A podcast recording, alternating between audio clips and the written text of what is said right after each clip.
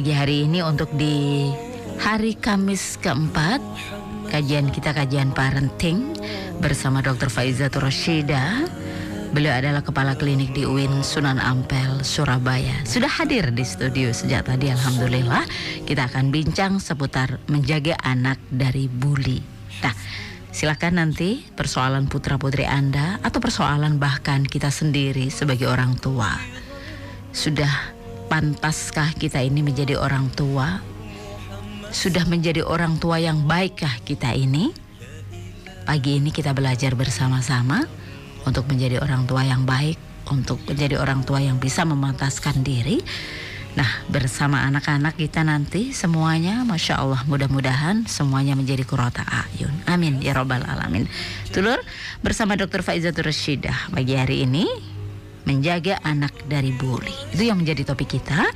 Nanti silakan bisa bergabung di 8419393. Pertanyaan juga bisa Anda kirim melalui SMS ataupun WhatsApp di 081 234 93 93 90. Bersama Mas Helmi, Sandik Aziz akan mengawal sampai jam 8 nanti. Assalamualaikum Ustazah.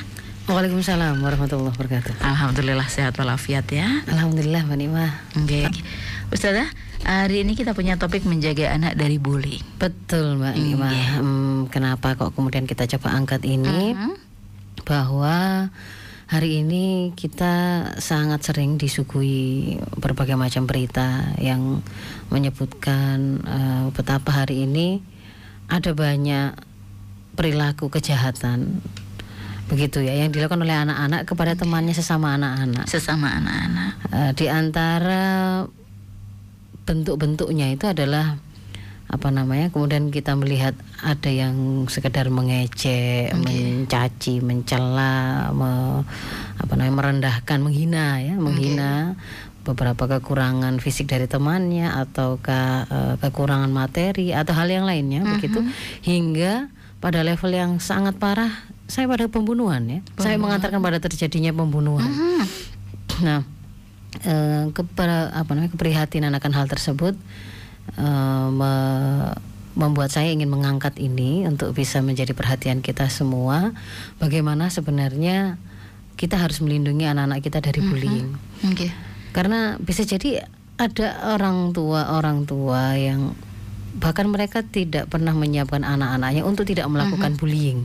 Betul. Nah, Dan ini fatnya memang luar biasa. jadi tidak menyiapkan anak tidak menjadi pelaku bullying Mhm. dan ketika kemudian uh, kebetulan kita menjadi orang tua dari anak-anak yang sering jadi korban bullying itu bagaimana kita harus bersikap nanti Oh, kita, iya. kita fokus di situ betul betul. ya yang pertama mungkin kita dudukkan dulu atau kita pahami dulu mungkin ada yang belum mengerti Betul. apa yang dimaksud dengan bullying ya Iya.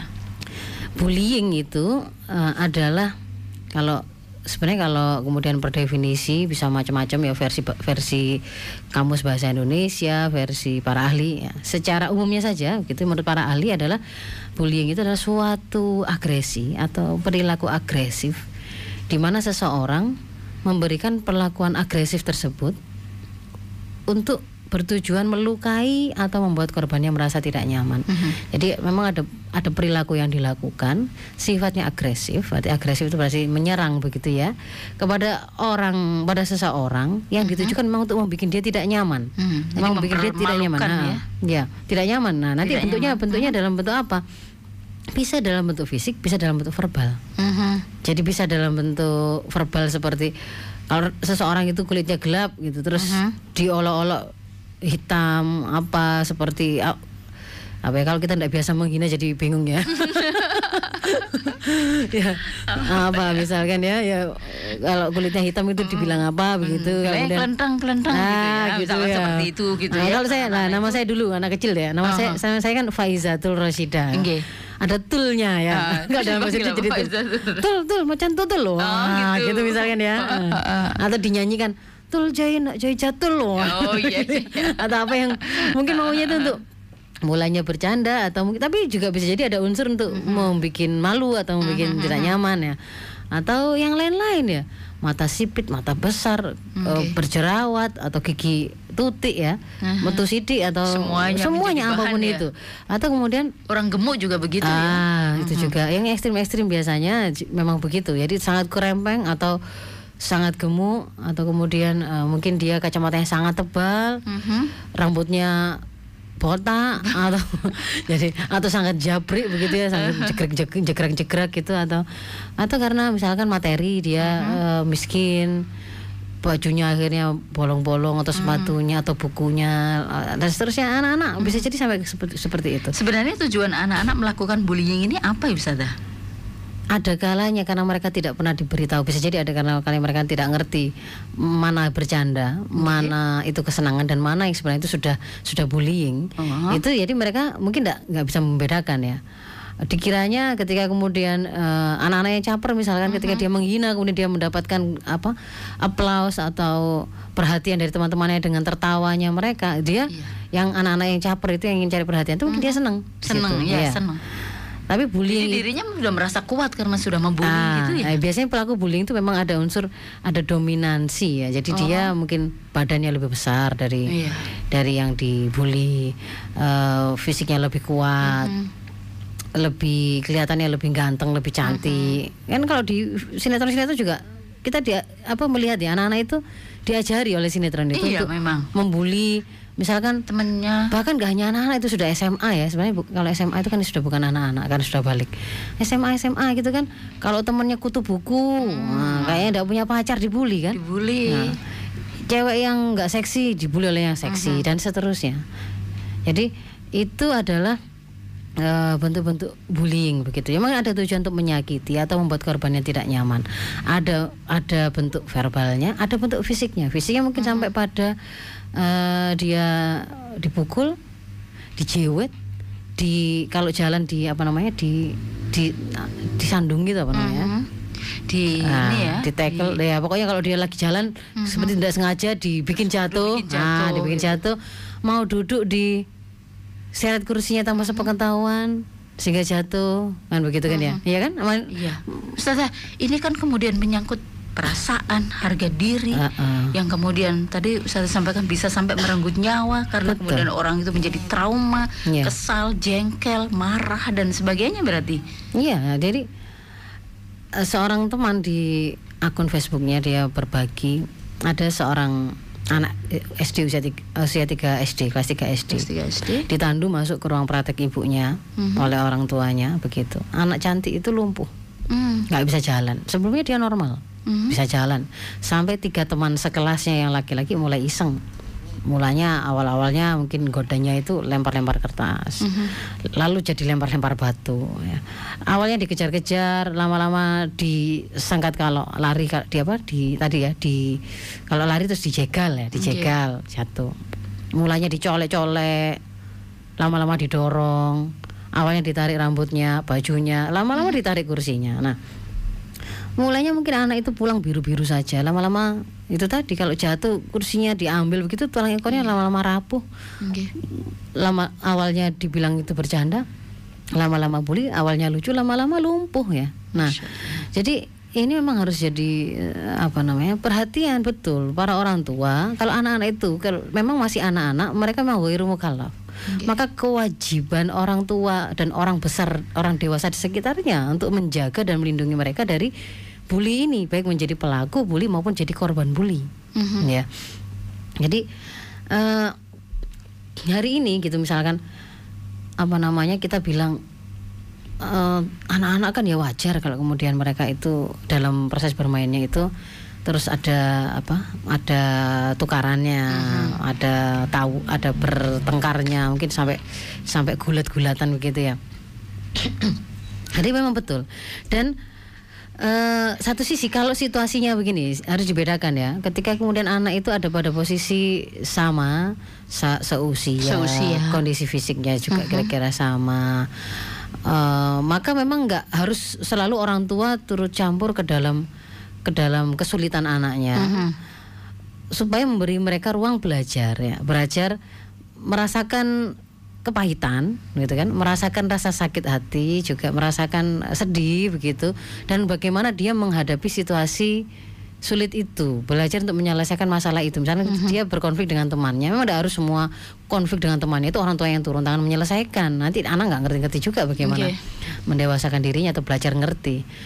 Tetapi Oh, ter- jadi termasuk juga misalkan kalau anak itu kalau zaman dulu ya zaman dulu itu ketika anak itu misalkan dia itu bertengkar asalkan dia itu seusia kira-kira ndak ndak ekstrim begitu berat apa kondisi fisiknya itu berbedanya mereka bertengkar sampai gelut pun kalau itu hanya tangan kosong dan dua orang itu insya Allah aman Aman ya. kelihatannya sampai nangis nangis tapi insya Allah ndak Mhm. ndak ndak akan ndak akan apa namanya ndak akan fatal akibatnya tetapi ketika kemudian itu dilakukan dengan berkeroyokan Mhm. atau dengan alat atau memang kemudian ada dominansi salah satu pihak itu akan menjadi bully yang membahayakan Hal seperti ini orang Iya. tua harus, harus kemudian di situ orang dewasa di sekitarnya harus mencegahnya Mhm. jadi kayak misalkan kita pernah mendengar berita seorang anak es esnya ya minuman esnya kesenggol begitu oleh temannya dia marah kemudian masuk ke, ke kelas anak yang menjatuhkan esnya, Esnya tadi, meskipun itu di sebelahnya ruang sekolah kepala eh, ruang guru ya Mhm.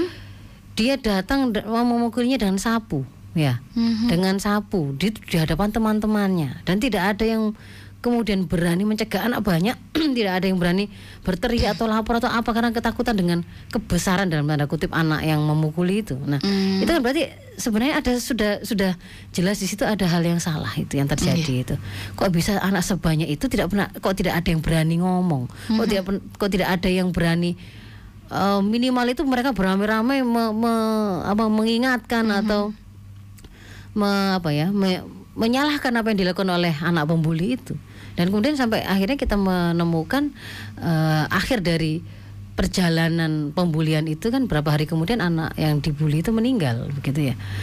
Jadi badannya panas beberapa hari kemudian memang tidak langsung. Mhm. tapi ya itu tadi begitu loh. Ada awalnya ada awalnya dan itu seharusnya kita cegah sejak awal. Sang pelaku mestinya dia dibekali oleh orang tuanya untuk bagaimana bisa mengendalikan dirinya bersikap memaafkan. Ketika misalkan esnya jatuh. Itu sesuatu yang nilainya seberapa sih dibandingkan dengan nyawa atau rasa sakit yang diderita oleh temannya? itu Nah, es itu ya. Nah, kadang ukuran-ukuran begitu itu anak itu belum bisa ngitung, belum bisa ngerti, belum bisa paham. Jadi memang eh, dalam proses eh, melindungi anak dari bully ini yang terjadi adalah kita harus melakukan proses transfer pemahaman tentang eh, nilai sesuatu, mana penting, mana tidak penting, mana remeh, mana mana itu utama begitu ya. Eh, mana yang bernilai tinggi, mana yang tidak bernilai itu itu juga harus kemudian mereka pahami. Lalu yang kedua mengajarkan tentang bagaimana memilih sikap antara memaafkan, me- melawan atau kemudian mencari bantuan. Nah, jadi di situ juga ada prosesnya bagi bagi anak yang sedang menghadapi mengalami itu. Iya. Mm-mm. Ustazah, eh, bullying ini kan, masya Allah kalau di Indonesia ini angkanya sangat tinggi ya. Tidak hanya di Indonesia Mbak Nima, Ya, justru di tempat-tempat ya. iya di, wilayah-wilayah yang mereka malah tidak mengenal tidak mengenal bahwa anak itu adalah tanggung jawab dari orang-orang dewasa di sekitarnya tidak mengenal nilai itu ya malah bisa jadi lebih besar. Oh iya. Nah, ini kan terjadi SMA juga sering kali terjadi hal-hal seperti itu Iya. padahal yang sudah besar begitu kan. Iya. Apalagi di eh, di bawahnya begitu. Heeh. Nah, kemudian yang kemudian kita tidak ada keseimbangan gitu. Kemudian contoh anak-anak ini tengkar tapi kemudian diadu begitu seperti itu malah yang yang ngadu siapa ini? Ya, Teman-temannya. teman-temannya Ah, yang iya. lebih besar Ah, gitu betul. biasanya seperti itu Iya. gitu nah masya Allah gitu ya Ya, berarti kan yang tidak paham itu kan bukan hanya pelaku yang diadu kan, Mhm. tapi orang teman-temannya yang lihat yang juga lihat. itu tadi kan termasuk mereka-mereka yang ada pendid- proses pendidikan yang miss di sana kan. ya. Mm. Ya jadi memang kita sebenarnya pros- proses pendidikan itu kan sama seperti yang sering saya sampaikan Mbak Nima. Itu eh, berbasis pada usia, berbasis pada tumbuh kembang anak.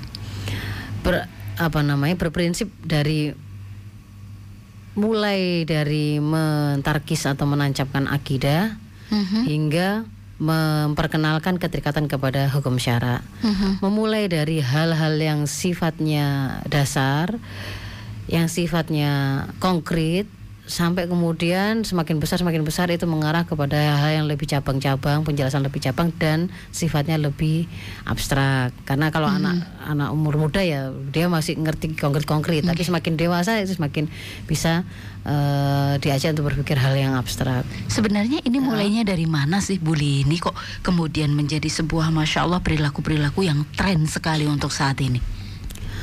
Bully itu hanya terjadi pada sebuah masyarakat yang tidak mengenal halal haram, Mhm. yang Gitu ya. menjadikan permisivisme atau apa permisivisme itu eh, serba boleh ya, Mhm. serba boleh itu menjadi sebuah standar yang dianut asalkan kamu bisa ya silahkan. Oh, gitu Nah, atau ya. atau liberalisme ya kebebasan Mhm, bertingkah kebebasan. laku asalkan kamu bisa melakukan itu ya silahkan ya dan juga eh, berkelindan dengan sistem sekularisme kapitalisme ya, yang materi yang menjadikan ukuran-ukuran nilai-nilai yang bersifat materi itu sebagai sesuatu yang dianggap mulia dianggap sebagai sesuatu yang lebih penting sebagai sesuatu yang apa eh, lebih utama Mhm. jadi ketika orang itu secara fisik buruk rupa maka dia potensial jadi korban bullying kan gitu kan ya. Karena dianggap itu tidak mulia. Padahal kalau kemudian kita menggunakan kita tinggalkan sekularisme lalu kita menggunakan prinsip eh, pemahaman Islam yang berbasis pada akidah Islam kita akan paham bahwa bagaimana wujud fisik seseorang itu ranah qadha Allah. Itu bukan bikinannya orang tersebut atau orang tuanya dan dia juga manusia mana pun tidak akan ditanya oleh Allah bagaimana kenapa kok bentuk kulitmu kok hitam atau putih atau merah atau hijau gitu ya kayak huluk gitu ya. kenapa kok kemudian eh, kamu itu rambutnya kok kriwil kok gimbal kok nggak lurus itu tidak akan ditanya. Sehingga kemuliaan itu kan bukan di situ tempatnya. Islam menempat, menempatkan kemuliaan itu adalah inna akramakum indallahi atqakum. Semulia-mulianya orang di sisi Allah yang menciptakan alam semesta ini dan menciptakan dunia ini termasuk menciptakan manusia itu dia mengatakan yang paling mulia di sisi dia itu adalah yang paling bertakwa padanya. Mhm. ini kan harus menancap pada anak sehingga dia ketika dia di, jadi korban bully dia juga ketika dibulinya itu karena masalah.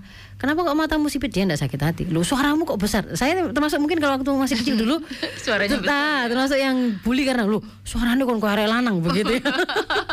Zaman kecil dulu sepertinya itu membuat agak-agak minder begitu. Tapi ketika kemudian dalam perjalanan yang waktu itu saya mengenali itu potensi itu justru sesuatu yang apa namanya kelebihan berbeda tetapi ketika masih kecil ya itu tadi sebenarnya ini proses toh apa namanya anak kecil itu kan karena ketika dia itu tidak diberitahu dan tidak ngerti bisa jadi apa kata temannya itu dianggap itu yang bagus gitu ya Nggih. Iya, rambutnya kriwil diketawain, rambutnya gimbal diketawain. Nah, Ini eh, diketawain. diketawain. Itu dia akhirnya akan merasa minder dengan itu.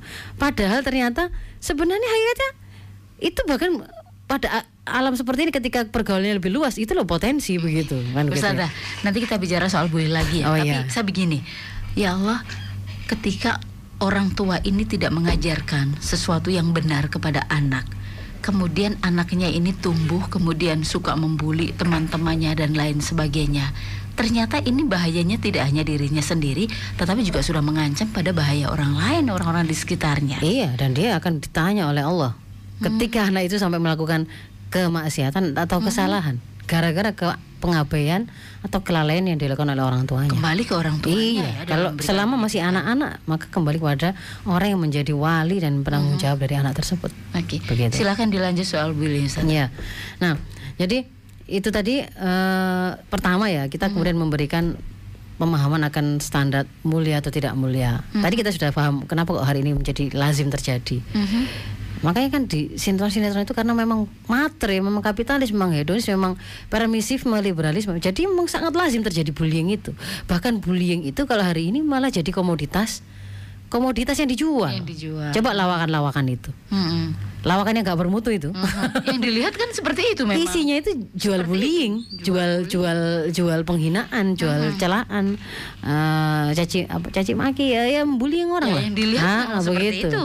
Ah. dan orang yang kemudian punya punya yang dibully itu tadi memang kemudian ada kalanya memang menjual itu gitu yang hidungnya pesek misalkan Mhm. kemudian Dijadikan ya dia jadikan itu nama gitu di dalam namanya Eh, Faiza hidung gitu ya Itu justru yang dijual gitu ya. kan gitu memang ya Eh, ya itu misalkan siapa siapa pesek siapa apa dan gitu seterusnya ya. Nggih, nggih. Nah, sebenarnya itu enggak, enggak, ya memang enggak mendidik itu, hentikan proses yang seperti itu. Karena secara tidak langsung sebenarnya Anda yang memproduksi hal tersebut itu mengajari anak-anak kita, generasi kita tentang bullying itu nggak apa-apa, it's okay. Kan gitu jadinya kan? Iya. Jadi kan begitu. Nah, Seperti wajar sengaja. dan biasa. meskipun tidak diajaran di sekolah loh ya, bahwa bullying itu enggak apa-apa ya anak-anak. Tapi ketika kemudian dia nonton TV membullying terus kemudian diketawain dan itu bisa jadi profesi yang ya, berarti itu mengajarkan anak-anak untuk melakukan kesalahan. ya. Oke, baik nanti kita lanjutkan Oh, ya, lanjut. Nggih, kita break dulu sebentar.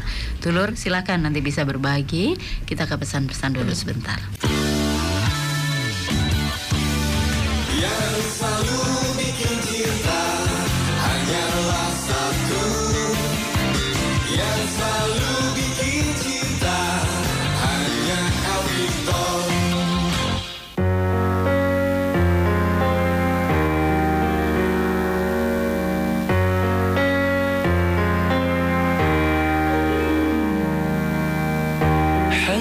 Dulur Al Victor kita lanjutkan kembali pembahasan seputar bullying ya. Pagi ini masih bersama Ustazah Dr. Faizatul Rasyidah. Nggih Ustazah, kita lanjutkan kembali. Ya, jadi tadi saya masih sampai pada pertama kita harus tanamkan kepada anak-anak kita bahwa eh, kemuliaan itu terletak kepada ketakwaan dia kepada Allah. Sehingga dari situ nanti kita bisa breakdown Mbak Nima. Yang dimaksud dengan ketakwaan itu bagaimana? Bahwa dia harus menjadi hamba yang hanya berusaha menjadikan nurut kepada Allah untuk melaksanakan perintahnya dan meninggalkan apa yang dilarangnya. Itu adalah ukuran kebaikan begitu. Jadi kalau kemudian seseorang itu temannya itu membuli dia karena dia tidak punya pacar, maka dia tetap dengan PD tidak ada masalah. Justru saya harus bangga. Saya harus merasa mulia karena pacaran itu dilarang oleh Allah kan begitu. Dia pede itu. Ketika teman-teman yang ngajak apa namanya eh, trek-trekan begitu atau ngajak eh, melakukan perzinahan begitu jangan dikira ya Mbak Nima kalau hari ini ya kalau hari ini tiap ini cerita dari seorang teman dosen yang memiliki anak eh, usia SMA ketika hari Senin gitu ya, hari Senin masuk sekolah begitu itu sering dia dapati anaknya itu pulang itu dengan sedih marah nangis kadang-kadang begitu ya Kenapa? Karena pada hari Senin itu sering dia itu mendapati teman-temannya itu berkisah tentang apa saja kemaksiatan yang dilakukan selama liburan hari Minggu kemarin. Tentang weekendnya ya. Iya, termasuk zina-zinanya mereka Hmm, itu. Semuanya bercerita tentang itu. Ya enggak semuanya kan. Maksudnya ada di antara itu yang itu juga enggak malu-malu dilakukan. Jadi kayak mereka saling bertukar cerita begitu. Kemarin jadi sama siapa ini ini nah dan seterusnya itu. Jadi itu termasuk hal yang dibanggakan, dibanggakan sehingga dipertukarkan ceritanya. Sudah pernah nyoba sama siapa? Dengan berapa cewek? Di mana? Itu inspirasi kejahatan itu, inspirasi kemaksiatan itu hari ini. Karena saking tidak ngertinya mereka. Karena juga saking ditumbuh suburkannya oleh sistem yang rusak hari ini. Itu mereka menjadikannya sebagai inspirasi begitu dengan teman-temannya. Nah jadi kita harus memperkuat eh, fondasi kepada anak-anak kita bahwa mereka itu visi misi hidupnya itu apa? Bahwa mereka itu kan hidup itu ada misi penciptaannya bukan nggak nggak sengaja. Mereka itu diciptakan oleh Allah itu dengan desain untuk menjadi eh, hambanya yang bertugas untuk memakmurkan bumi ini melaksanakan aturan-aturan Allah ini untuk kebaikan kan begitu? Eh apa namanya wa ma khalaqtul jinna wal insa illa liya'budun. Jadi mereka itu hanya untuk beribadah kepadanya dan melaksanakan semua aturan Allah itu dalam seluruh episode hidup mereka. Dan itulah nanti yang akan mengantarkan mereka menjadi akan menjadi ukuran mereka mulia atau tidak mulia, kan begitu. Sehingga kalau kemudian ada temannya yang merasa bangga menunjukkan gadget terbarunya, dia juga nggak perlu sakit hati. Kalau kemudian ada yang mem- membulinya karena kondisinya dia itu yatim atau miskin, yatim itu bukan sesuatu yang menjadi eh, apa kelemahan, kelemahan bagi bagi anak kita itu, bagi seseorang itu tadi. Rasulullah yang disampaikan oleh Allah sebagai makhluk termulia dunia akhirat gitu ya. Itu yatim, Mhm. piatu. begitu. Jadi mereka juga akan melihat itu bukan kelemahan begitu. Be- Berbagai macam kisah anak-anak yatim Imam Syafi'i, orang-orang hebat itu semuanya banyak sekali yatim Yatim. yatim-yatim yang kemudian harusnya kemudian malah melihat apa me- menjadikan hal itu itu menjadi sesuatu yang akan mencambuk dia. Mhm. Saya akan tunjukkan. Jadi dia tetap dalam koridor kebaikan dan dia akan Mhm. menjadikan eh, ejekan dari temannya tadi itu menjadi cambuk bagi dia untuk memper, me- memacu dirinya lebih Jadi baik. pemicu. Jadi termasuk ketika kemudian ada yang eh, apa namanya menghina dia persoalan eh, berat badan ya. Nggak perlu minder juga karena yang mengantarkan mereka kepada surga dan keridhaan Allah bukan karena berat badannya langsing atau ke, kegen badan gendut dan maaf. seterusnya. Ini bukan bahas, tapi kan kalau gendut tidak sehat itu bukan itu bahasannya nih. ya. ya gitu, tapi ya ini tadi itu bukan kalau memang ada ada orang-orang yang memang secara genetis sangat mudah sangat mudah gemuk begitu, sangat mudah gemuk. Makan bukan karena dia banyak makan, tapi memang eh, faktor genetisnya itu sangat dominan sehingga pada usia tertentu dia pasti langsung sebecak-becak begitu badannya ada yang seperti itu. Eh, ya, jadi kalau anak itu sudah kuat dalam hal memahami mana mana itu mulia yang hakiki dan mana yang tidak maka dia juga tidak akan menjadi anak yang gampang sakit hati atau eh, salah bersikap menghadapi ejekan-ejekan yang tidak perlu. Abaikan saja dia. Abaikan saja, ya. kembalikan itu menjadi sebuah energi positif menjadi begini apa namanya eh, menjadi doa begitu ya. Kita kembalikan kepada doa menjadi doa bahwa eh, semoga ejekan dia itu Allah kembalikan kepada saya dalam bentuk kemudahan saya untuk menjadi orang yang mulia. Misalnya seperti itu. Sama dengan misalkan dulu begini saya menemukan ketika ada orang tua orang tua yang anaknya itu gak bisa diem akhirnya kan kemudian juga banyak yang di- dirasani ya oleh oleh orang tua orang tua yang lainnya lah. Karena anaknya nggak bisa diem. termasuk saya punya anak saya yang Ahmad itu kan dulu nggak bisa diam sehingga jalan ke mana-mana itu di belakang tuh ada ada ada ada geremeng-geremeng. Itu loh itu loh itu loh yang itu ngerasani ngerasani yang Aha. ah. Kalau kemudian ada rasa tidak nyaman begitu kemudian saya sharing kepada suami begitu doakan saja jadi apa pun yang kemudian mereka sampaikan semoga Allah kembalikan kepada kita itu kepada Ahmad itu menjadi eh, kemudahan untuk dia itu menjadi anak soleh. Jadi begitu selalu begitu. jadi se- kalau jadi semakin ada banyak orang yang membuli kita itu menjadi semakin semakin apa bertambah eh, semangat kita sema- kebaikan kita mendoakan anak kita begitu. Semoga dimudahkan. Dan itu insya Allah akan dikabulkan oleh Allah. Berarti itu menjadi pemicu ya harus Ah, menjadi satu pemicu sisi balik seperti ya. itu. Kan itu kalau kita sudah bisa bersikap dengan benar ya. Ini anak-anak kita tanamkan. Lalu yang kedua eh, terkait dengan bully ini kita harus pahamkan bahwa di dalam Islam itu berlaku eh, hukum syarak la dororo wala diroro. Tidak boleh kamu itu menjatuhkan diri dalam bahaya atau membahayakan orang lain maka tidak boleh kemudian kamu itu terlibat perkelahian apa tawuran. Ya tidak ada perlunya begitu. Oh gak kayak ini kok tawuran gelem gelem gelem te- per- apa namanya berkelahi itu buat apa begitu. Atau kemudian itu tadi jangan menjadi teman yang membahayakan orang lain. Eh, nyandungi temannya me- mendorong kursi sebelum diduduki. Itu membahayakan semua haram hukumnya. La dharar wala dirar tidak boleh menjatuhkan diri pada bahaya atau menjatuhkan orang lain menimpakan bahaya kepada orang lain. Malah kita itu diperintahkannya. Itu sebaliknya kan? Me- termasuk di antara sodako yang sangat mudah itu menyingkirkan diri dari jalan.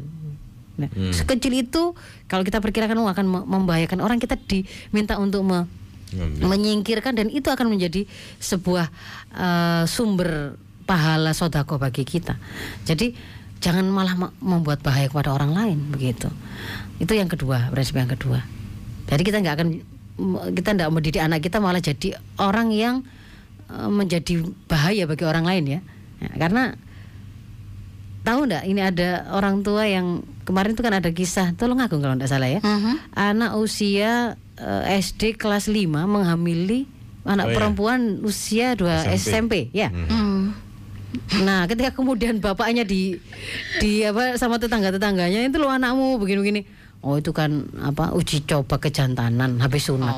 Nah itu kan berarti memang bapaknya itu yang Memang. sumber masalahnya itu. Sumber masalahnya di sana itu. Nah, lah kalau bapaknya memang bermasalah, orang tuanya bermasalah, lalu dia memproduksi dan membiarkan justru ngajari anaknya begitu ya berarti penyelesaiannya berawal dari orang tua. Mhm. Sama dengan ini tadi, Hmm, kalau pelakunya itu bullyingnya itu pelaku awalnya itu di rumah itu bapaknya, bapaknya yang sering misalkan anaknya nggak bisa ngerjakan apa sesuatu langsung langsung guop nah begitu misalkan. langsung keluar binatang-binatang semua ya itu sebenarnya dia sedang mentransfer eh, pelajaran tentang gini loh caranya bully itu gitu ya.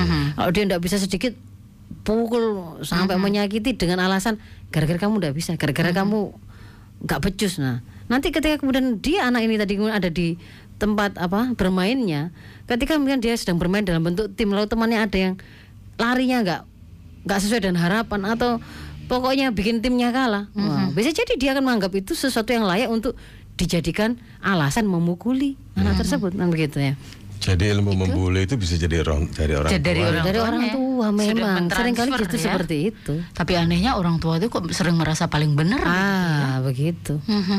dan apa namanya dan tidak merasa salah itu. Nggak merasa Nggak salah merasa salah gitu anak ya. itu begitu tidak apa-apa. Daripada yang dipukuli. Loh bagaimana? Yes, semua ini kira seru repot ini. Orang tua orang tua seperti itu tenggelamkan saja. Dan generasi yang kadung rusak tidak bisa diperbaiki. Tidak apa-apa biar Allah yang gantikan dengan generasi yang lebih baik. Oh. daripada daripada itu merusak begitu Nggak bisa dibilangin ya. Nah, itu. Kemudian tapi kita doanya tetap kebaikan ya. Semoga Allah lindungi jaga generasi kita itu supaya mereka menjadi generasi-generasi yang baik. Ya. Mudah-mudahan Allah beri hidayah Iya. ya. Oke, oke, Jadi oke. mereka berubah begitu ya. Nah, lalu yang keberapa ini? Tiga ya? Yang ketiga. Nah, prinsip tadi yang pertama tadi kan mengingatkan visi misi hidup, lalu yang kedua mengingatkan tentang eh, apa makna kemuliaan itu dan im- implikasinya, lalu yang ketiga tadi adanya hukum tentang la doror wala diroro ya. Nah, lalu yang keempat ini gini, kalau misalkan eh, kita harus bedakan, kita harus bedakan dan kenali betul fakta bullying itu. Kalau anak kita itu eh, sampai me- melaporkan atau cerita, saya diginikan begitu gitu. Itu sebenarnya se- sebuah alarm. Berarti dia sudah pernah mencoba untuk mengatasi masalahnya, tapi dia tidak bisa. Tidak bisa. Jadi betul-betul orang tua pay attention terhadap hal tersebut. Apa perhatikan betul, jangan dianggap anggap lalu mendengarkannya. Dengarkan betul, kenali situasinya. Apakah itu situasi yang dia memang karena dia belum terampil saja, dia belum mengerti saja sehingga kita masih bisa sampaikan bahwa eh, jadi gini nak, kita kita kasih tips-tips teknisnya. Kalau misalkan kamu merasa sanggup apa, misalkan bullyingnya itu tidak terlalu menyakitkan, kamu bisa memaafkan, kamu boleh memaafkan. Tapi sebenarnya di dalam Islam pun kamu boleh membalas dengan balasannya setimpal. Tadi kalau di apa di di apa dicaci atau dihina, kita bisa me- menyebutkan itu loh bukan kelemahan, itu bukan ke kehinaan. Misalkan, kok kamu tuh miskin, itu loh dalam pandangan Allah bukan kehinaan. Subhanallah. Ji. Kalau kemudian eh, nggak pernah punya pacar, pacaran itu justru maksiat. Itu boleh membalas begitu. Justru memang kalau ada ada kemampuan untuk melakukan itu lakukan gitu ya. Anak kita kita ajari begitu. Jadi anak ini memang harus terus dikuatkan, Nah, dikuatkan, dikuatkan ah, ah. terus, terus begitu ya. Tapi untuk kesalahan untuk sakit hatinya kita boleh ajarkan dia untuk memaafkan. Oh gitu. Lalu yang kedua kalau kemudian dia merasa bahwa eh, apa namanya dia bisa mencari jalan keluar, kamu boleh nak ndak cerita ke ibu, ndak cerita ke umi, nggak cerita ke bapak, kamu coba selesaikan gimana sendiri dulu boleh. Teman saya ini tuh suka membuli begini tapi saya kayaknya kalau lihat kalau dia sendirian kayaknya dia ndak berani gitu. Kalau dia berani kalau sama teman-temannya. Maka kalau dengan teman-temannya mungkin dia sendiri yang cari coba cari jalan keluar gitu ya. Kalau dengan teman-teman lebih baik saya menghindar. Tapi kalau ada sendiri dengan dia mungkin saya akan coba ngomong misalkan begitu ya. Dia biar belajar cari jalan keluar. Boleh itu kamu lakukan. Tapi kalau kemudian eh apa namanya berulang lalu dia merasa dia ndak bisa ndak aman lagi dia tersakiti dia ndak bisa membalas maka kita harus pasang badan. Hmm, lindungi anak itu. Melindungi. kalau kamu di sekolah kamu wajib lapor ke guru. Sampaikan itu. Ndak usah takut ndak usah takut. Sampaikan ke guru. Kalau ketemu dengan mereka di tempat yang sekiranya membahayakan lebih baik kamu menghindari. Kira-kira misalkan dicegat di jalan begitu ya. Lebih baik kamu putar arah atau telepon ibu atau apa itu harus disampaikan begitu kalau di rumah kamu sampaikan ke ibu. Misalkan rumah tempat bermainnya ya di di rumahnya di lingkungan kampungnya. Berarti kamu harus sampaikan laporkan ke bapak ibu. Nanti kemudian kita kita yang akan turun tangan di situ. Mungkin bisa dengan cara eh, kita melaporkan ke guru. Ini anak saya sudah yang kedua kali loh ya dijongkrokno ke Hmm. kolam ikan misal begitu. Anak saya kemarin masih saya ajari untuk memaafkan, tapi untuk yang berikutnya saya memang ajari dia tidak boleh disakiti, tidak boleh membiarkan dirinya itu disakiti. Jadi dia boleh melawan. Kalau kemudian dia membalas, itu memang saya ajarkan. Berarti begitu kita sampaikan gitu ya. Kalau kemudian kemudian nasi diulang lagi, saya tidak terima begitu. Jadi eh, saya berharap ibu guru bisa membantu untuk Menyelesaikan. menyelesaikan hal ini itu seperti itu. Kalau di rumah ya mungkin kita sampaikan ke orang tua yang bersangkutan. Tapi ada kalanya orang tua dilapori begitu itu ada yang benar menerimanya, ada yang nggak benar begitu. Mhm. Ada yang misalkan eh, Pak anaknya itu loh kalau anu itu suka malai anak-anak kecil yang lain gitu ya. Mhm. Nggak terima gitu. Ya, berarti kan proses belajar itu juga harus dilakukan dua belah pihak. Orang tua sebagai orang dewasa ketika mendapatkan masukan begitu dari orang lain, dari tetangga kita, ojo mutu sungune dhisik begitu. Ya memang rogo jidoke dewi-dewi betul nggak sih? Ditanya dulu nanti dudukan anak itu tanya. Kok sampai anak itu malak-malak itu Gak apa karena saking pelitnya dia atau sa- karena dia tidak pernah mengajarkan tentang ketidakbolehan melakukan itu. Cek begitu. Dan bagi anak kita yang bagi kita orang tua yang anak kita itu sudah melaporkan, itu juga jangan dianggap remeh. Berarti ambil ambil perhatian di situ, beri perhatian di situ. Karena berarti dia sudah mencoba menyelesaikan tapi dia memang nggak sanggup bisa jadi seperti itu alarm itu Nah, yang berikutnya bekerja sama dengan sekolah, bekerja sama dengan pihak-pihak terkait, dan yang lebih eh, jauh dari itu sebenarnya perlindungan terhadap seluruh anak-anak kita itu ya harus disistemkan memang oleh negara begitu dengan menggunakan aturan-aturan yang sesuai dengan apa yang diajarkan oleh Islam. Undang-undang tentang bullying belum ada kan? Kalau dengan tentang bullyingnya spesifik belum ada, Belum tetapi ada, ada itu tentang tindak kekerasan terhadap Kekerasan anak. terhadap anak. Cuman harus diakui Mbak Nima, undang-undang yang kita ambil hari ini atau kita pakai hari ini masih banyak yang berkiblat atau mengadopsi eh, sistem sekuler liberal. liberal. Jadi di antara me- yang bisa kena kena hukuman melakukan kekerasan terhadap anak itu adalah ketika misalkan orang tua itu dalam rangka melakukan takdib atau tak takdib ya peng- pengajaran kepada anaknya misalkan orang tua tidak setuju anak ceweknya pulang malam atau memakai baju yang membuka aurat Hmm. Anak bisa mengatasnamakan orang tua telah melakukan kekerasan terhadap dirinya dia bisa melaporkan itu. Dan itu sudah banyak terjadi di negara-negara barat. Mhm. jadi apa orang tua yang tidak seneng anaknya kok pulang malam bajunya sangat terlalu seksi untuk ukuran anaknya. Anaknya nggak terima nggak gitu terima orangnya dilaporkan. Dilaporkan. dengan mengatakan orang tuanya telah melakukan kekerasan terhadap dirinya. Nah Mhm. itu juga nggak betul begitu Ini undang-undang kekerasan terhadap anak bisa ya karena inspirasinya itu tadi sekuler liberal ya. Jadi ya harusnya kemudian kita kalau mau anu ya galilah itu dari eh, apa yang menjadi nilai yang dianut oleh masyarakat Indonesia hari ini mayoritasnya Muslim ya mestinya itu juga menginspirasi seharusnya dan diambil sebagai sumber hukum gitu ha. Iya.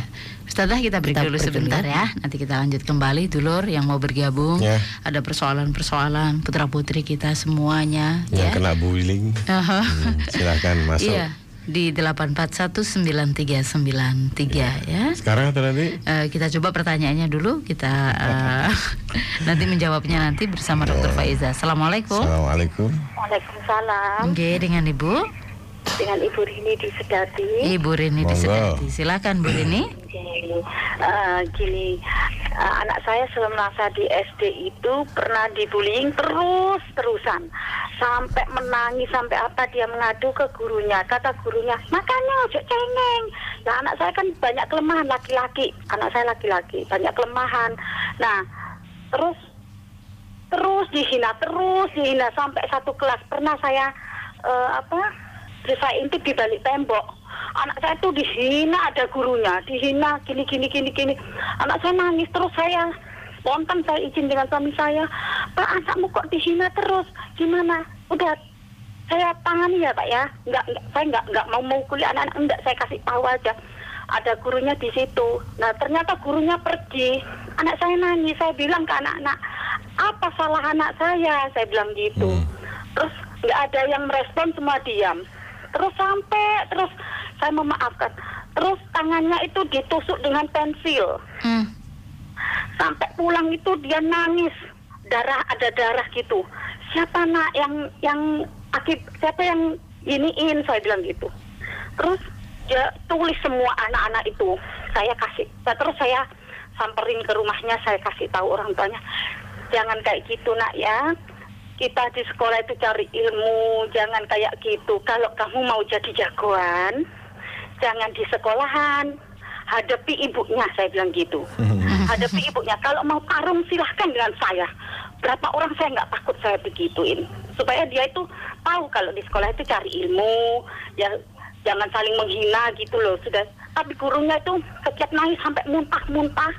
Itu guru saya eh guru anak saya bilang gini makanya jangan nangisan jadi tahan olahan wong wong Mhm. Loh kan guru kan sebenarnya nggak boleh kayak gitu Maaf Nah, ibu, guru- maaf, maaf ibu. Anak ibu masih tetap kerasan di sekolah itu ya? Artinya tidak Ya, pernah minta pindah begitu? semangat. Oh gitu. saya kasih semangat tetap sekolah nak mau pindah ke mana jangan sebab Mhm. saya juga jualan di situ Mhm. ya saya juga supaya bisa Oh. melindungi anak saya di situ Oke. anak saya alhamdulillah menurut setelah hal itu setelah terus-terusan nggak ada kemajuan saya suruh diam diam biar Mhm. Allah Allah maha melihat saya bilang gitu Mhm. Alhamdulillah anak saya diam. Di SMP juga kayak gitu. Di SMP di daerah Pedoro. Nggih. Itu pulang sekolah itu selalu dihina karena sepedanya jelek, karena sepedanya uh, BMX kecil itu loh. Nah, nggih, terus uh, apa? Dia mau pulang tuh di todong sama teman-teman teman-temannya minta uang. Kalau nggak dikasih uang, namanya juga kita orang biasa bu ya, uang ngasih sekedarnya. Diminta uangnya terus sepedanya itu di di apa dilempar. Mhm. Terus dia pulang menangis karena sepedanya rusak. Terus dikasih tahu sama adik saya, pukul, enggak apa-apa, pukul katanya gitu. Kalau kamu nggak nggak mau melawan, kamu akan di, dilecehkan terus kata adik saya. Terus saya bilang gini, udah kalau bisa menghindar, kalau nggak bisa ya sudah tunggu tunggu tunggu nanti tunggu pulangnya itu agak Nggih. agak renggang sedikit saya bilang gitu. Menurut alhamdulillah dan dampaknya itu kalau di SMA saya suruh sekolah yang agak kemiliteran biar dia punya jiwa yang besar gitu. Mhm. Ternyata kalau memang watak itu gimana anak saya sampai sekarang itu sekarang sudah kuliah tidak mau bergabung dengan teman-temannya yang Oh, lain semenjak nggih, nggih. kejadian itu Mhm. Suka di kamar kalau saya suruh itu nak ada kegiatan eh, apa Mhm. itu Ini remaja kuliah ya, Bu, ya?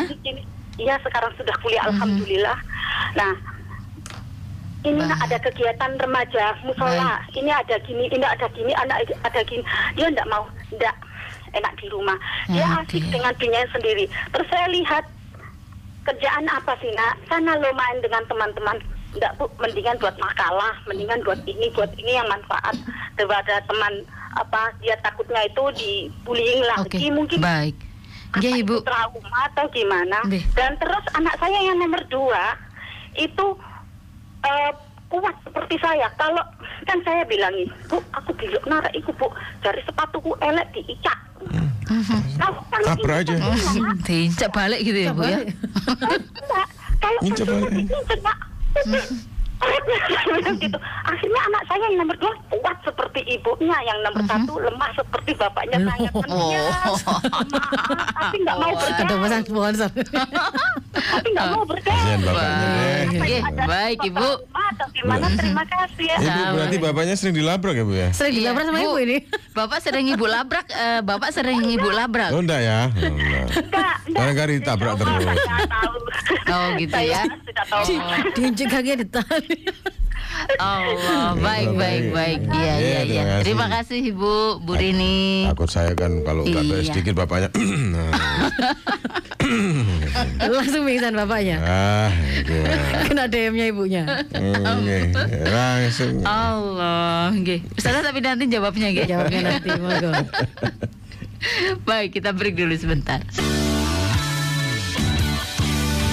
Dulur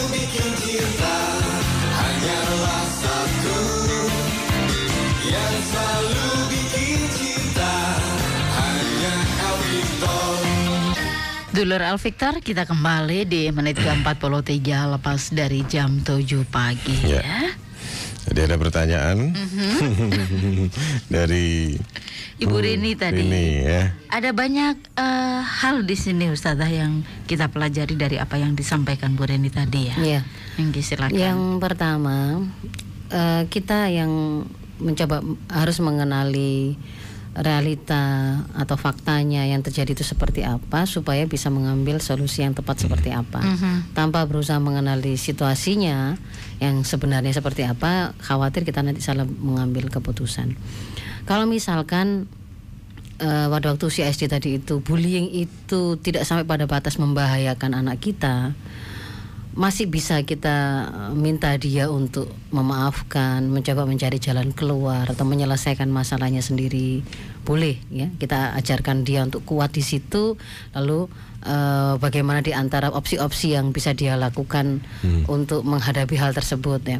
Tapi ketika sampai pada batas seandainya itu sampai membahayakan nyawa dia, membahayakan membahayakan juga apa eh, perkembangan psikis dia ke depan seperti apa. Kita juga harus membuka diri untuk me- men- apa namanya membuka peluang seandainya kita berpikir memindahkan anak tersebut Mhm. ke lingkungan yang lebih baik.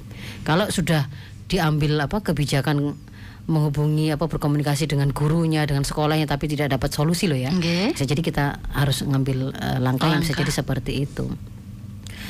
Eh, tapi kalau misalkan kemudian apa namanya itu tadi ya anak-anak yang melakukan bullying lalu orang tuanya yang maju. Majunya itu dalam dalam apa bentuk dia memberitahu anak-anak tersebut menasihati anak-anak tersebut itu tidak apa-apa. Tidak apa-apa. Jadi kita sampaikan mungkin mereka itu tidak dikasih tahu orang tuanya begitu ya. Kalau apa yang dilakukan itu salah. Belum pernah ada yang orang dewasa yang memberitahu bahwa apa yang mereka lakukan itu salah. Misalkan menghina misalkan menghina temanmu yang punya kelemahan yang sebenarnya itu Allah yang menciptakan. Itu kesalahan. Temanmu nggak dengar misalnya teman-temanmu tuli temanmu buta temanmu kakinya uh, pincang itu bukan dia yang bikin Hmm. bukan orang tuanya yang bikin tapi itu adalah Allah yang menciptakan kamu yang kalau Allah menghendaki kamu hari ini punya kaki tapi kemudian Allah menghendaki itu dicabut kenikmatan kamu yang jadi pincang kamu bisa Mhm. akan bisa terjadi seperti itu. Kamu sekarang punya mata, kamu kemudian nanti akan berubah jadi dikendaki oleh Allah, tidak bisa melihat juga bisa. Jadi kalau kita diberikan kenikmatan oleh Allah kelebihan seperti ini bersyukurlah. Tidak boleh sama sekali menghina karena ketika kamu menghina ciptaan Allah hakikatnya menghina ciptaan eh, menghina penciptanya. Mungkin itu harus kita sampaikan. Termasuk jadi keinginan kita apa? Harapan kita pada anak-anak kita itu apa? Kita sampaikan. Jadi ibu berharap kalian tidak lagi menghina anak saya. Anak saya ini apa namanya? Kalau disakiti terus, ibaratnya macan, ibunya yang maju dulu. Kenapa? Karena anaknya masih belajar mengaum, masih belum bisa, belum ngerti. Jadi kalau dia disakiti terus, ibunya yang maju, gitu ya. Itu tidak apa-apa ya seperti itu. Ibunya yang maju. Iya, itu kita ngomong ke depan teman-teman anak-anak kita yang suka bully di kampung maupun di sekolah. Kalau dia nggak ngerti-ngerti loh ya, kita juga sudah minta tolong ke sekolah juga nggak Kita yang minta izin untuk dikasih kesempatan begitu. Nah, itu tidak apa-apa. Tapi kalau kemudian seandainya, wah kayaknya memang ini sudah mendarah daging, bahkan memang di sekolahnya itu yang kurang tepat kita rasa, ya kita pindahkan anak itu. Oke. Nah, lalu kaitannya dengan apa namanya eh, ketika sudah besar kok kemudian dia menjadi anak yang eh, seperti menyendiri terus apakah apakah itu Ini trauma? traumakah? Mhm. Apakah trauma? Kalau anak sudah besar coba ajak ngomong saja, Bu. Mhm. Ajak ngomong kalau bisa ajak ngomong secara sadar penuh begini apakah kamu ada masih ada tidak memaafkan atau ada rasa sakit hati ketika dulu begini begini sampaikan saja itu. Itu salah satu teknik yang bagus idealnya itu itu tapi kalau misalkan kita tidak bisa tidak bisa mengorek anak itu mungkin bisa pakai dibantu eh, dengan semacam hipnosis itu yang membuat anak itu rileks dibantu dia bisa menyampaikan dan mengeluarkan oh ternyata apa yang masih menjadi ganjalan itu bisa dibantu oleh Jadi harus dibantu dengan dibantu oleh pakar pakar begitu. ya. Mm. Yang kemudian kita upayakan adalah kita tidak menghapuskan memori itu, tetapi eh, kita ajari anak kita untuk menerima dan memaafkan Mhm. dan menjadikannya peristiwa-peristiwa yang menyakitkan di masa lalu itu sebagai sesuatu yang bisa menguatkan dira, dia. Jadi dia jangan hidup dalam kebenciannya di masa lalu itu. Sudah, kan sudah gitu ya. Jadi tetap memang ada kejadian itu, ibaratnya buku begitu ya. Ada catatan-catatan kejadian di situ yang mungkin buruk, ada gambarnya dia yang keliru atau salah atau yang buruk gitu. Enggak apa-apa tetap ada, enggak harus dihapus. Tetapi itu menjadi uh, pelajaran bagi dia ketika dia membuka lembaran baru, dia ambil pelajaran dari peristiwa sebelumnya tulisan dia sebelumnya yang masih salah atau dan seterusnya itu. Jadi tidak harus dihapus itu tidak harus. Jadi kita ajari dia untuk bisa menerima kalau memang di situ ada orang-orang yang salah terlibat di dalam kesedihan dia maafkan supaya dia lebih ringan maju ke depannya. Kemudian yang ketiga hal yang lain ah, ini ini ini di antara pelajaran untuk para ibu ya. Iya. Memang ibu itu punya kemampuan eh, verbal itu lebih kuat dari bapak. Lazimnya karena kita secara otak itu corpus callosum ya yang menghubungkan otak belakang otak kanan dan kiri kalau pada ibu-ibu itu memang lebih tebal sehingga Oh, gitu. eh, ngomong mencolot ronorine itu ya ngoceh ngamuk itu memang memang lebih lebih hebat. Karena memang punya Nah. potensi itu ya. Lah. Ah. Tapi itu sebenarnya adalah juga menjadi kelemahan terbesarnya Oh, gitu. Oh. termasuk juga kepada para bapak ketika kemudian dia gampang apa namanya eh, lebih tipis corpus callosumnya sehingga kemudian ketika melihat sesuatu atau membaca sesuatu dia akan mudah sekali fokus mudah sekali fokus dan kemudian akhirnya tidak mendengar apa yang orang lain omongkan nah ini, Ini- berarti kita harus mengerti gitu karakter ngerti itu karakter sehingga ya. ah, jadi kalau bapaknya itu kadang nonton TV atau lihat HP terus diceluk gak kerungu gak usah ngamuk dulu gak usah keluar sungunya dulu Karena goalnya belum Ah, pahami itu belum nyambung ya. Belum. Sampai panggil dulu ya, panggil dulu jangan ngomong dulu, panggil dulu sampai na- nyaut sampai merespon. Nah, berarti baru nyaut itu. Aha. Baru aja ngomong. Baru kemudian Ah, gitu ya. daripada kemudian kita sudah ngosong ngomong panjang lebar, gak kerungu, memang gak kerungu dia memang karakternya Dia begitu. memang karakternya begitu. Iya, tidak usah. Jadi itu memang bentukan dari Allah itu seperti Jadi itu. manggilnya sampai sampai beliau itu Iya. on gitu ya. Kita kita tahu bahwa beliau sedang on lah, sudah on gitu lah baru kita ngomong begitu.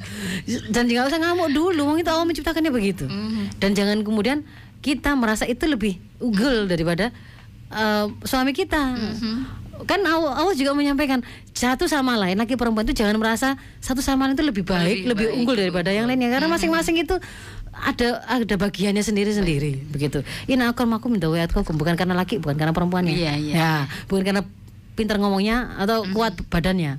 Tapi siapa yang bisa menggunakan kepintaran ngomongnya, kekuatan badannya dalam rangka taat dan takwa pada Allah kan itu. Itu ya. iya. Dan jangan dibiasakan menyebutkan begini ya. Saya kuat, suami saya lemah itu jangan. Ah, nggih, nggih. Ya. Itu merusak kepemimpinan suami. Masya Allah, betul. Kalau di luar ya, kalau di dalam ya. Pak Ojo ngono, Pak Ojo lembek-lembek itu gak apa-apa. Tapi sambil kalau guyon loh Ustazah kalau Nah. begitu ya, tetap sambil guyon Iya. ya, biar tidak menyakiti perasaan. Ya, tapi kalau di luar ya jangan. Kalau di luar itu Iya. nggak boleh Nggak merusak boleh. kepemimpinan suami itu ya. itu banyak pelajarannya ya. Betul, banyak sekali pelajaran pagi hari ini. Eh, dari Bu Rini sudah semuanya? Sudah, sudah, Oke, insya ini ada Pak Sutekno, Mas Elmi di Gempol. Saya hanya seorang petani. Tapi mendengarkan ngaji El Victor bersama Bu Dokter, seraya mendapatkan ilmu fakultas perguruan tinggi. Sukses selalu Bu Dokter, sukses selalu El Victor. Semoga Allah meridhoi kita. Amin, Amin. amin, Bapak Sutekno di Gempol. Ini Pak Sutekno, Atik ini petani eh, penggarap atau jeragan ya? Nggak tahu ini. Nah. Kita tanya aja lagi panen apa Pak Tekno? Kita mau ke sana bawa pickup.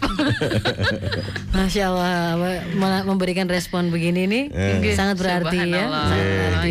Membuat kita semakin semangat. Semakin semangat. Berarti betul, masuk, betul. Belajar semakin ikhlas. Semakin ikhlas ya. Karena ternyata didengarkan sampai Oke. di itu dengerinnya di rumah apa di sawah, Di sawah, ya? Di sawah. Oh di sawah ya. Loh, banyak di. Lamongan itu juga banyak. Di sawah, Jadi di sawah itu sambil bawa radio Iya. sambil bekerja banyak. Karena kalau bawa TV tidak bisa. Oh nggak bisa Ah. gitu. Karena Iya. masuk sawah pakai HP, pakai headset juga ada Alhamdulillah. Alhamdulillah ya. Alhamdulillah bisa Masya bermanfaat. Allah. Suara kita masih didengar. Amin. Amin. Amin amin ya robbal alamin. Semoga Allah panjangkan umur kita dalam dakwah dan kebaikan. Amin amin. Saya sama Mas Helmi semakin semangat begini nih. Ternyata harus ngurungono gitu ya. Berarti kalau masih ikhlas. begitu eh, kita juga agak-agak ada pelajaran Mbak Nima. Jangan-jangan kurang ikhlas. Golek uang sing ngurungono. Nggak artinya Masya Allah Iya. gitu ya Banyak yang Insya Allah. belajar bersama kami Nggih, gitu nggih, ya nggih. Nggih, nggih, nggih. Itu Pak Tukno begitu Tapi pertanyaan saya belum terjawab Pandan apa belum dijawab Mas Elmi di 93 Kita coba masukkan dulu. Assalamualaikum. Oh belum sekali. ya Belum Oke nggih. silahkan Ya. Di 8419393 ya Saudara tadi menarik perhatian saya ketika ada anak itu yang seperti Ananda Ahmad Nggih. Nggih. pedas gitu ya Mm-hmm. sampai kemudian mau main dengan temannya itu orang tuanya mageri Mhm. Aja. Ini tangannya tangannya moro Ah. Ada orang tua di sekitarmu. Nah, yang lebih yang lebih menyedihkan, wah, menyedihkan itu kan dikira kita sih ngajari moro tangan. Iya lagi. Oke. Enggak. Padahal bisa jadi dia karena eh, punya apa kadar kepemimpinan lebih tinggi dari temannya, dominansi. Oh gitu. Kalau dia kita bahas Ah, lebih ah, lanjut ya. iya. Kalau pemahamannya sudah bagus, bisa mengendalikan diri, bagus jadi pemimpin. Ada? bergabung dulu Monggo, Ge? monggo, monggo. Nanti soal Ahmad itu nanti yang Oh, enggak. kita bahas lagi. Enggak, artinya kan banyak Ahmad-Ahmad Iya, yang lain Ahmad yang begitu lain, ya. iya. Assalamualaikum. Waalaikumsalam. Nggih dengan Bapak Dengan Bapak Suyut dari Krian. Pak Sud dari Kalian Krian. mana, Pak? Krian Pelak Wonoayu. Wono Wono Ayu. Ayu, Wono Ayu Ini yang punya Krian sendiri. sini Pak. Beda itu Pak. Wono Ayu Iya. kecamatan Wono Ayu, Pak. Nggih. Yang siaran yang punya Krian Pak. Hmm, Jadi Pak. paham. Saya Kok kan, dikira nggak ada nama bapak ini gitu? Wah, ya Iya tahu lah. Sekerian sudah kenal ya. saya kan Silakan. wakil bayangannya Pak Camat. wakil bayangan. Monggo, Pak. Suyut Oh, silakan. Bu Camat bukan Pak Camat, Bu Camat. Wah, bocah amat ini. Enggak, Bu Camat. Pak Suyut silakan. Silakan, Uyut. Assalamualaikum warahmatullahi wabarakatuh. Waalaikumsalam. Waalaikumsalam warahmatullahi wabarakatuh. Saya Pak Suyut dari Krian. Nggih, monggo, Pak. Ustazah, saya mau tanya masalah bullying. Nggih, nggih. Yang saya tanyakan, siapa yang paling bertanggung jawab dalam hal kekerasan ini? Nggih. Sekarang ini bukan hanya anak-anak yang melakukan perbuatan kurang menyenangkan, bahkan orang dewasa banyak yang melakukan. Nggih. Bagaimana cara mengatasinya, baik terhadap anak, remaja, dan dewasa. Nggih. Yang kedua, Ustazah, bagaimana perbuatan yang kurang baik itu dilakukan oleh orang dewasa, padahal mereka mengerti hukum halal dan haram. J. Saya pernah mendengar dalam Al-Quran bahwa Allah tidak melihat semua ahli zikir. Yang saya lihat adalah niat dan tujuannya. Kalau Iya, niat itu tujuannya karena Allah, karena Allah maha benar, maka diamnya itu dianggap tafakur dan bicaranya itu dianggap. Pak Suyut terima Ya, kasih. Nggih. Ya, Ustazah, terima kasih. Wassalamualaikum warahmatullahi wabarakatuh. Waalaikumsalam Waalaikumsalam warahmatullahi wabarakatuh. dari Pak Suyut iya Nggih. terus kemudian eh, mensikapi dan anak-anak seperti Ananda Ahmad gitu tadi seperti apa Ustazah? Ya, singkat ini lima, Oke, lima menit singkat. sudah selesai. Jadi siapa yang bertanggung jawab? Kalau itu pelaku bullyingnya adalah anak-anak, maka yang bertanggung jawab adalah orang-orang dewasa di sekitarnya. Yang pertama adalah orang tuanya, yang kedua adalah anggota masyarakat siapa pun yang ada di sekitar anak tersebut. Ketika kemudian anak itu eh, juga mengenal sekolah, lingkungan sekolah, maka sekolah dan perangkatnya bertanggung jawab di situ. Di atasnya lagi adalah ada tanggung jawab pemimpin atau negara. Nah, semua pihak itu tadi berarti harus dibenahi dan diluruskan sebagaimana seharusnya Islam mengajarkan. Tadi sudah saya sampaikan. Kalau pelakunya adalah eh, orang dewasa, maka ber- yang bertanggung jawab pertama kali adalah dirinya. Pertama adalah dirinya. Orang itu akan tercegah dari melakukan kemaksiatan itu pencegahnya yang pertama adalah kontrol dirinya karena ketakwaan dia kepada Allah. Tapi kita juga paham bahwa al imanu yazid wa yankus ya. Iman itu naik turun dan kontrol diri itu ada kalanya melemah, ada kalanya menguat. Maka di situ kalau di dalam Islam itu ada yang namanya lapis kedua, yaitu kontrol dari masyarakat dalam bentuk amar ma'ruf nahi mungkar. Ini hanya ada dalam masyarakat Islam ini. Orang diajarkan untuk peduli pada lingkungan sekitarnya, melakukan dakwah, menyuruhkan pada kebaikan, mencegah kemungkaran itu hanya ada pada Islam membentuk masyarakat tidak menjadi masyarakat yang egois, yang eh, EGP, emang gue pikirin, nah, lo ya lo, gue gue, tidak ada dalam masyarakat Islam seperti itu. Karena itu justru dijadikan sebagai pilar tegaknya tegaknya kebenaran atau kebaikan itu pertama adalah ketakwaan individu, lalu yang kedua adalah eh, amar ma'ruf nahi munkar yang dilakukan oleh masyarakat, yang ketiga eh, ada kalinya orang itu soalnya meskipun sudah disanksi oleh masyarakat gitu ya, sudah diperingatkan oleh masyarakat, sudah diingatkan, sih gak baik-baik juga begitu. Iya, nah itu betul. membutuhkan eh, sebuah kekuatan yang bisa memaksa dia dalam bentuk penjatuhan sanksi untuk menerapkan aturan. Itu adalah negara. Jadi tiga level ini semuanya bertanggung jawab. Itu untuk pertanyaannya Pak Sot yang pertama ya. Yang kedua, kok bisa orang itu paham tapi kok masih melakukan kesalahan?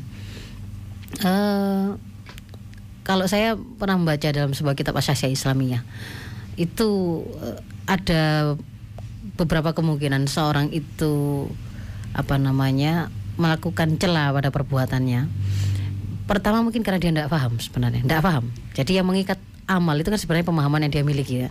Jadi kemungkinan pertama dia sebenarnya tidak paham bahwa Apa yang dikerjakan? ya ini keliru, ini benar, ini salah itu dia tidak paham, tidak ngerti, tidak ngerti itu. Seperti anak-anak tadi itu kan, jadi mereka tidak ngerti loh. Kalau menghina itu bukan kebaikan, bukan kesenangan, bukan bukan prestasi, tapi itu sebenarnya justru kesalahan. Itu mungkin mereka tidak paham itu. Memukul orang, menyakiti orang itu atas nama meskipun atas nama kita sekarang kita saya, saya sakit hati gitu ya.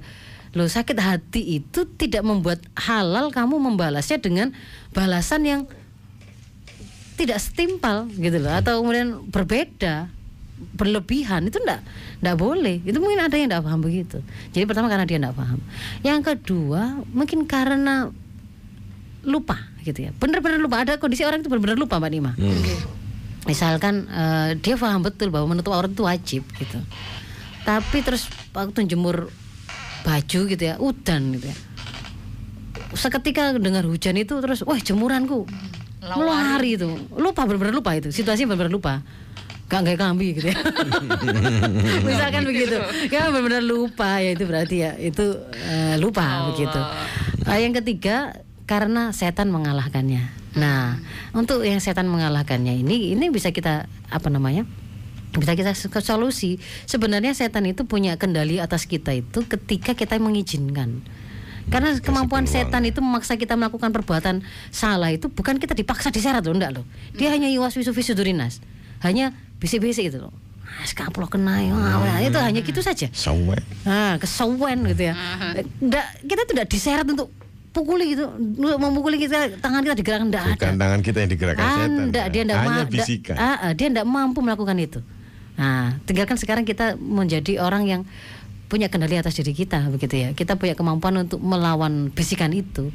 Dan setan sebenarnya sudah mengatakan bahwa dia itu dia itu hanya akan mampu menggoda manusia itu selama kecuali hamba hambamu yang ikhlas mukhlisin kan karena Allah saja jadi hanya letakkan Allah menjadi tujuan kita sesuatu yang ada yang kita cari maka setan nggak akan bisa me- mengambil alih kita Nggih. nah kalau kita menghadapi godaan setan ingat jangan mengandalkan diri sendiri ya. Mhm. Nah, karena kalau kita depi dengan kemampuan kita sendiri mungkin kita yang kalah ingat bahwa setan itu sama dengan kita sama-sama makhluk dari penciptanya jadi minta tolong saja kepada yang punya. kayak kayak kayak kemudian kalau misalnya kita menemukan ada anjing yang ber- berkali-kali mengganggu apa merusak kebun kita ndak usah kita benar ada anjing datang kita kita kejar-kejar capek sendiri. Panggil saja pemiliknya kita sampaikan anjing anda tolong dikendalikan. Ah. Begitu ya. Ternyata cuma dipanggil tuh datang anjing itu. Kita ndak usah kejar-kejaran sampai energi kita habis. Sama dengan itu, kita minta pada Allah begitu agar Allah melindungi kita dari setan. Kita jadikan Allah betul-betul yang mem- memenuhi hati dan pikiran kita, niat kita. Kita luruskan semata-mata karena Allah. Namanya amal yang ahsan itu kan yang ikhlas dan benar secara syar'i.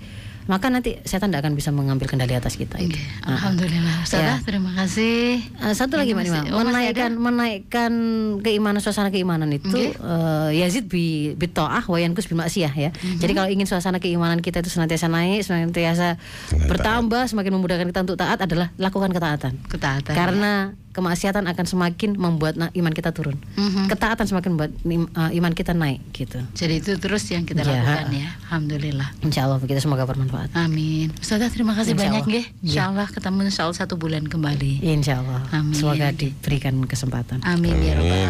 alamin. Nggih. Jazakillah. Assalamualaikum Assalamualaikum Ustazah. Ustazah. Waalaikumsalam warahmatullahi wabarakatuh. Dulur Al Victor bermanfaat apa yang disampaikan beliau pagi hari ini di kajian parenting. Kita juga harus segera pamit undur. Mohon maaf semuanya. Saya Helmi Ansari. Saya Nikma Aziz, billahi taufik wal hidayah. Assalamualaikum warahmatullahi wabarakatuh. wabarakatuh.